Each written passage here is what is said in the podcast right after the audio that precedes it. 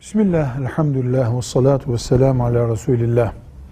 Yedi hisseye kadar kesilebilen bir ineğin bir hissesi akika, öbür hissesi şükür kurbanı, öbür hissesi kurban bayramında kesilen kurban şeklinde farklı olabilir.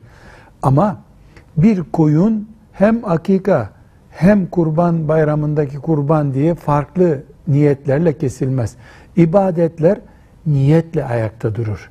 Niyet de parçalanmaz. Ya akikadır, ya şükür kurbanıdır, ya adaktır ya da kurban bayramı kurbanıdır. Bir niyet bir kurban demektir. Velhamdülillahi Rabbil Alemin.